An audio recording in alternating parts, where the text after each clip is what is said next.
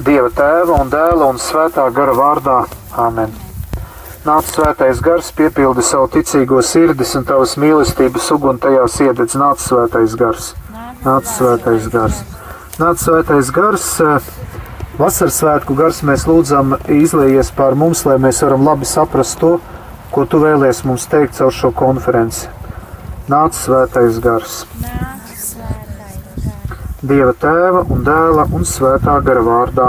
Amen. Un tā mums ir otrā konference, kas saucās Ābrahams. Tā pirmajā konferencē mēs dzirdējām šo stāstu par Ādamu un Ievu, par to, ka uh, Dievs viņus bija radījis mīlestībai, bet tomēr viņi izvēlējās pateikt nē šai mīlestībai. Un arī mēs bieži vien vai nu savas vainas dēļ, vai citu vainas dēļ esam vai nu sagrēkojuši pret Dievu, vai ir iegājuši šajās, šajās, šajos ievainojumos, šajās bailēs. Un mēs arī pirmajā konferencē sapratām, ka Dievs mūs mīl un ka Viņš aicina mūs iziet no tās, no, no tās nu jā, verdzības, no grēka, no ievainojumiem. Un šodien mēs runāsim par Ābrahāmu. Un tēma ir no pagānu zemes uz apsolīto zemi. Es lasīšu fragmentus no radīšanas grāmatas, ja pirmās mūzes grāmatas 12., 13. un 22. nodaļas. Un kungs sacīja uz Ābrahamu: Izej no savas zemes, no savas cilts un no sava tēva nama, uz zemi, kur es tev rādīšu. Un es tevi darīšu par lielu tautu. Es tevi svētīšu un darīšu lielu tavu vārdu, un tu būsi par svētību Svētīšu tos, kas tevi svētī, un nolādēšu tos, kas tevi nolāda. Un tevī būs svētītas visas zemes ciltis. Un kungs teica Abrahamam pēc tam, kad Lats no viņa bija šķīries: Pacel savas acis un raugies no tās vietas, kur tu atrodies, uz ziemeļiem un dienvidiem, uz austrumiem un rietumiem. Jo visas tās zemes, ko es tev rādu, es uz mūžīgiem laikiem došu tev un taviem pēcnācējiem un es darīšu tavus pēcnācējus it kā zemes pīšļus. Ja kāds var saskaitīt zemes pīšļus, tas arī tavus pēcnācējus varēs saskaitīt. Celies pārsteigā zemi tās garumā un platumā, jo to tev es gribu to dot. Tad Dieva eņģelis sauca Ābrahamam no debesīm un sacīja: Es esmu zvērējis, saka kungs, ka tāpēc, ka tu to esi darījis un esi taupījis savu vienīgo dēlu, Es tevi svētīdams, svētīšu, vairotams vairošu tavus pēcnācējus, kā debesu zvaigznes, kā smiltis jūras malā. Un tavi pēcnācēji iekaros tavu ienaidnieku vārtus. Un tavos pēcnācējos tiks svētītas visas zemes tautas, tāpēc, ka tu esi paklausījis manai balsī. Āmen! Tad eh, šis otrais aicinājums bija, pirmais bija mīlēt un, un tapt mīlētam, ja mīlestība mani mīl un es kļūstu mīlestība.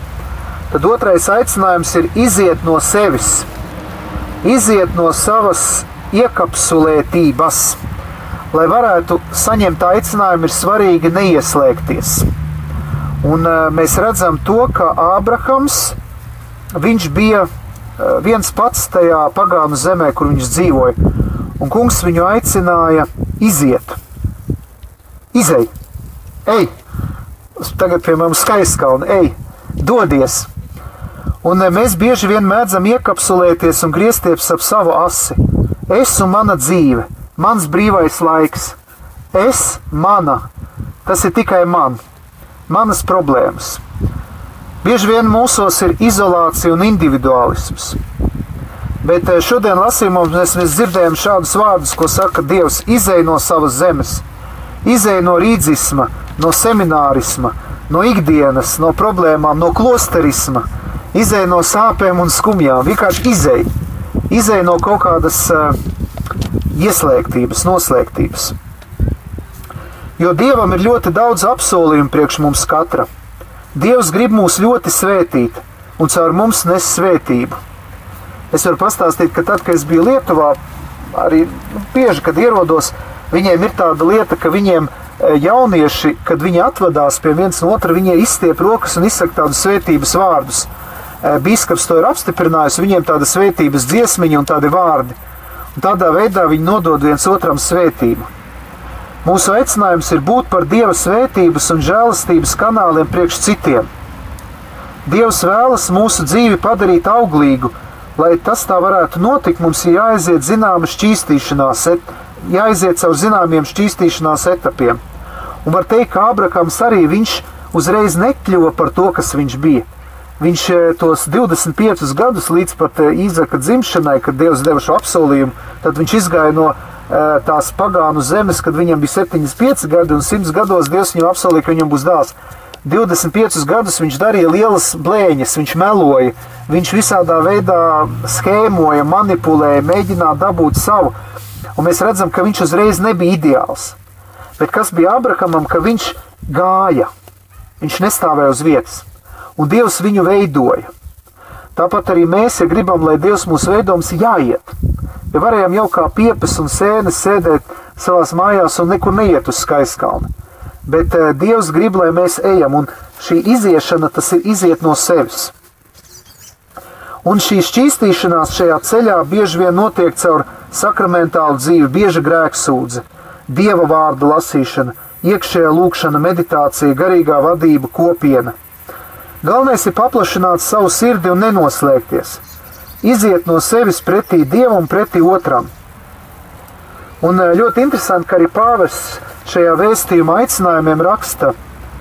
Viņš saka, pat ja mēs sevī piedzīvojam daudz trauslumu un reizēm varam justies mazdūšīgi, mums ir jāpaceļ galva uz Dievu, neļaujot sevi nospiest nepiemērotības sajūtai un nepadoties pesimismam kas padara mūs par pasīviem gurdenes un rutīnas pārņemtas dzīves vērotājiem.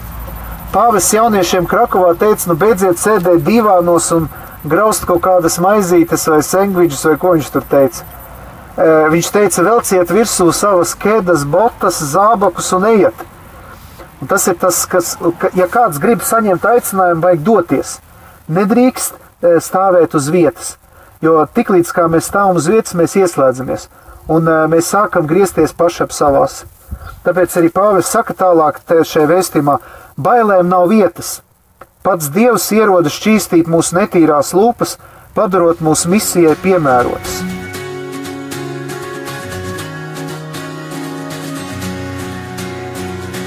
Svētceļojums Rīgas skaistkalne Radio Marija ēterā no 4. līdz 7. maijam.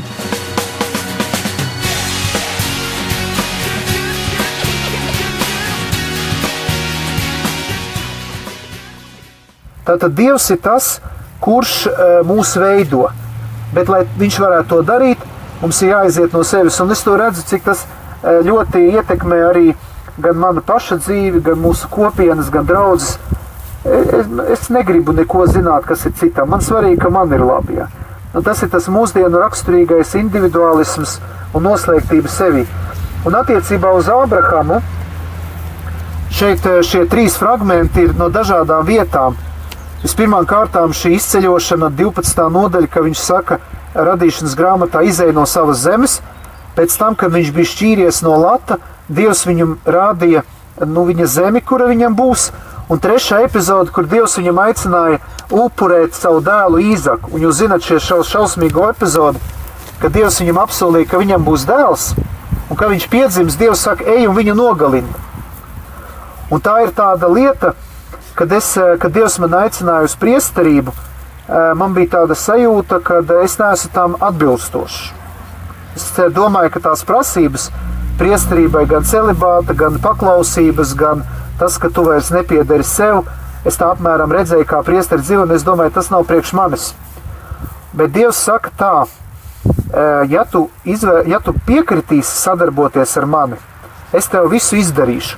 Un tur ir tāda situācija, ka tad, kad cilvēku Dievs aicina pie mums semināru, vai arī semināru laikā, ir tāda sajūta, ka tev jāpaņem tas nāzes rokās, un ir tā kā, jā, ja tūlīt būs jāiedzer tam izakam tā kā pašam, tā kā visdārgākajam, jo jūs varat iedomāties, ka gan priesteris, gan konsekrētais cilvēks, viņš atsakās pilnīgi no savas dzīves. Viņš saliek tātad mūža solījumus vai ordinācijas brīdī, viņš sola absolūtu paklausību tātad ordināriem biskupam vai klosteru priekšniecībai, e, viņš vairs nevar pats regulēt savu dzīvi. Viņš nevar sev e, noteikt brīvo laiku, ko viņš darīs, kā viņš darīs. Viņš iet pilnīgi atdot sevi Dievam baznīcas rīcībā 24 stundas diennaktī, 7 dienas nedēļā un 12 mēnešus gadā un, un 78, nu, ja labi novāk 90 gadus mūžā, vai kāds līdz sotakam daval. Un viss, un tas nozīmē, ka tas ir cauri. Tur vairs nav nekā, nu labi, es negribu arī ļoti pārspīlēt, nav jau tā, priesterīts jau diezgan normāli var dzīvot un nekāda vaina. Bet skaidrs, ka tā, tā, ja kāds prasa, nu, man piemēram zvana un saka, nu, kad jums ir pieņemšanas laiks, kad jums ir darba laiks, ja? vai, vai, nu, vai jūs jau beidzāt darbu, ja? Tādi, jā, nu, nav tāda, tāda, nu, tāda pieeja. Man nav, es neaizēju uz baznīcu kā uz darbu, man nav no 8 līdz 4 darbs, un pēc tam es viss Es fiksi norauju sutanu, izņemu kolāru, viss, uu, sākās mans brīvais laiks. Ja. Es esmu priesteris 24 stundas diennaktī, un tā ir tā sajūta, kas daudzus biedē. Ja tev ir jāpaņem nāzis, viņš jānodara. Bet ko dara kungs, kad tu paņem to nāzi? Tajā brīdī, kad tu liekas, stop, noliec malā. Ja? Un ienāk tā milzīgā brīvības, atbrīvotības sajūta, jo kungs saka, bet ne jau tu esi tas, kas to dara. Es esmu tas. Un viņš saka, atdod man sevi manā rīcībā, un visu pārējo izdarīšu es pats. Bet tur redziet, tas moments ir jāpārvar. Tev ir jānotic, tam aicinātājam ir jānotic, ka Dievs atradīs tā izaka vietā citu jērku upurēt. Tev ir jānotic, ka atdodot dzīvi Dievam, tu neko nezaudē. Un es jums godīgi varu teikt, pēc 12 gadiem priestrībā es neko neesmu zaudējis. Kaut tad, kad man bija iespēja iet par mērnieku ģeodēzijā, savu karjeru veidot, daudzi mani kursa biedri teica, nu tu gan esi duraks. Viņš saka, semināra iestādes, nu, kad tu nāksi pie prāta, tad dod mums ziņu. Mēs tev tad dabūsim kādu vietiņu, ja? Bet es neesmu nožēlojis, jo, nu, pasaka Dievam jā, un uh, viņš visu izdarīs. Jā, bet tur ir jā, un šis te īzaka variants ir ļoti, ļoti svarīgs. Jā. Katrs aicinātais to piedzīvo. Un tā, kad tu izdari to izvēli, tu saproti, ka Dievs ir tas galvenais, ka ne jau tu esi tas. Un, un patiešām atdodot savu dzīvi Dieva rokās, uh, uzticoties Viņam, uh, mēs saņemam lielas svētības. Dievs ir absolūti grib mūs svētīt. Viņam ir tik daudz svētību priekš mums, ka mēs to visu gribētu saņemt un atvērt savu sirdām svētībām. Un, ko es gribu pateikt arī par laulības dzīvi, lai tie, kuri grib ģimenīt, lai viņi neapvainojas uz maniem, Tieši tas pats ir arī laulībās. Saprotiet, ka nāk šie divi iemīlējušies, puisīts un meitnīt, ka viņi jālauž, es domāju, ārprāts, kā šitādi varēja satikties. Nu, es pie sevis domāju. Bet, un ziniet, ko man saka, piemēram, daudzas līgavas un līgavaini? Viņi iet pie altāra un saka viens otram jā. Bet tas jau, nu, tā nedrošība jau ir liela, jo kā tu vari zināt, ka tas otrs tev nepievils? Kā tu vari zināt, ka viņš tev nepateiks nē? Un tas arī ir šis īzaks. Jo arī tam uh, laulātajam vīram vai sievam laulību brīdī baznīcā ir jāuzticas. Viņam nav simtprocentīgi garantija, ka tā otra puse viņu nepamatīs. Nav tādas garantijas. Jā, viņš saka, jā, bet kā būs pēc gada, 5, 10, 15, 20? Es kalpoju arī baznīcas tiesā kā laulības saiša aizstāvs. Es lasu šīs lietas, kad uh, izskata laulības uh, nederīgumu jautājumiem. Sākums tur visiem ir ļoti skaists. Jā. Bet dzīve ir dzīve un reālīs ir reālīs. Bet tev ir jāuzticas. Un daudz baidās laulāties, un diemžēl mūsdienās daudz dzīvo kopā nelaulājušies, baidoties. Nu, bet vai tad es izturēšu? Tad, tāpēc arī saku, mūsdienu cilvēks baidās uzticēties un uh, pieņemt lēmumu uh, visas dzīves perspektīvā. Tas skar gan konsekrēto dzīvi, gan priesterību, gan laulības dzīvi. Uh, ļoti daudz ir relatīvismu, un cilvēki ātri maina viedokļus. Viņi apsola un uzreiz, ah, nu labi, ah, viss.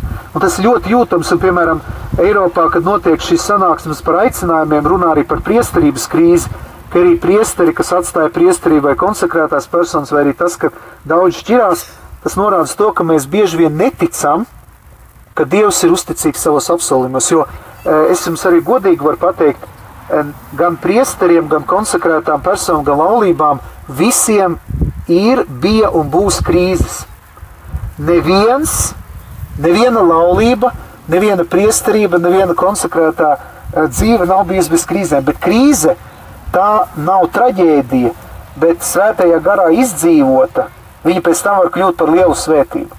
Un es parasti laulātiem, kuri ir krīzē, kuri nāk pie manis sarunu, es saku, šis ir viskaistākais brīdis jūsu laulībā. Viskaistākais. Jo tagad jūs ejat caur patiesības eh, to ielēju, jūs šķīstaties, jūs ieraugat viens otru tādu, kādu jūs esat. Priesterībā un konsekrētā dzīvē ir līdzīga. Tad, kad pienāk tā krīze, bet viņi ir jāizdzīvo pareizi, viņi jāizdzīvo eh, pēc Dieva plāna un jātic, ka Dievs eh, nāk šķīstīt, lai mūs ievestu dziļākās attiecībās ar viņu, ar savu aicinājumu izvestu ārā. Es ceru, ka jūs sapratāt, ko es gribēju pateikt. Tas ir ļoti svarīgi, un es domāju, ja tās visas ģimenes, kuri grib šķirties, ja viņi atnāktu nu, ar mani vai ar kādu citu parunāties, ja, ja viņi nevis ietu skrietu uz zaksu vai uz pie notāra vai kur šķirtos, bet ja viņi atnāk, jo tajā brīdī, kad ir krīze, tas ir visvētīgākais laiks, un tā, tā vietā, lai viņi risinātu to un izdzīvot to, viņi met plinti krūmos un šķirās, bet tas to neatrisina, jo viņi jau neatrisina pamat problēmu. Viņi izšķirās, sameklē citu, bet problēma jau nav atrisinājusies. Tā kā šodien šajā konferencē es gribu lūgties par visiem tiem, kur jūtās kā Abrahams, kuram jā, jātur rokā šis nazis. Bet lai viņi nebaidās, jo kungs viņiem nu, neliks to nazi durdu, bet tieši otrādi caur šo mirkli, caur šo krīzi, jo tā bija arī Ābrahama krīze. Dievs ļoti stiprina mūsu ticību un ievada dziļākās attiecībās ar sevi. Uz Dievs pateicamies Tev par šo konferenci, par Ābrahamu, par viņa ticības ceļu, arī par viņa šķīstīšanu, par to, ka Tu viņu veidoji un ka Tu arī mūs veido. Ka arī šajā svētceļamā Tu mūs veidosi, veido, un ka arī Tu mūs aicini dziļākās attiecībās ar Tevi. Un lūdzu, palīdz mums nebaidīties no krīzēm, no grūtībām, bet palīdz tās pārvarēt ar Tava svētā gara palīdzību. To lūdzam caur Jēzu Kristu, mūsu kungu. Āmen! Dieva tēva un dēla un svētā gara vārdā.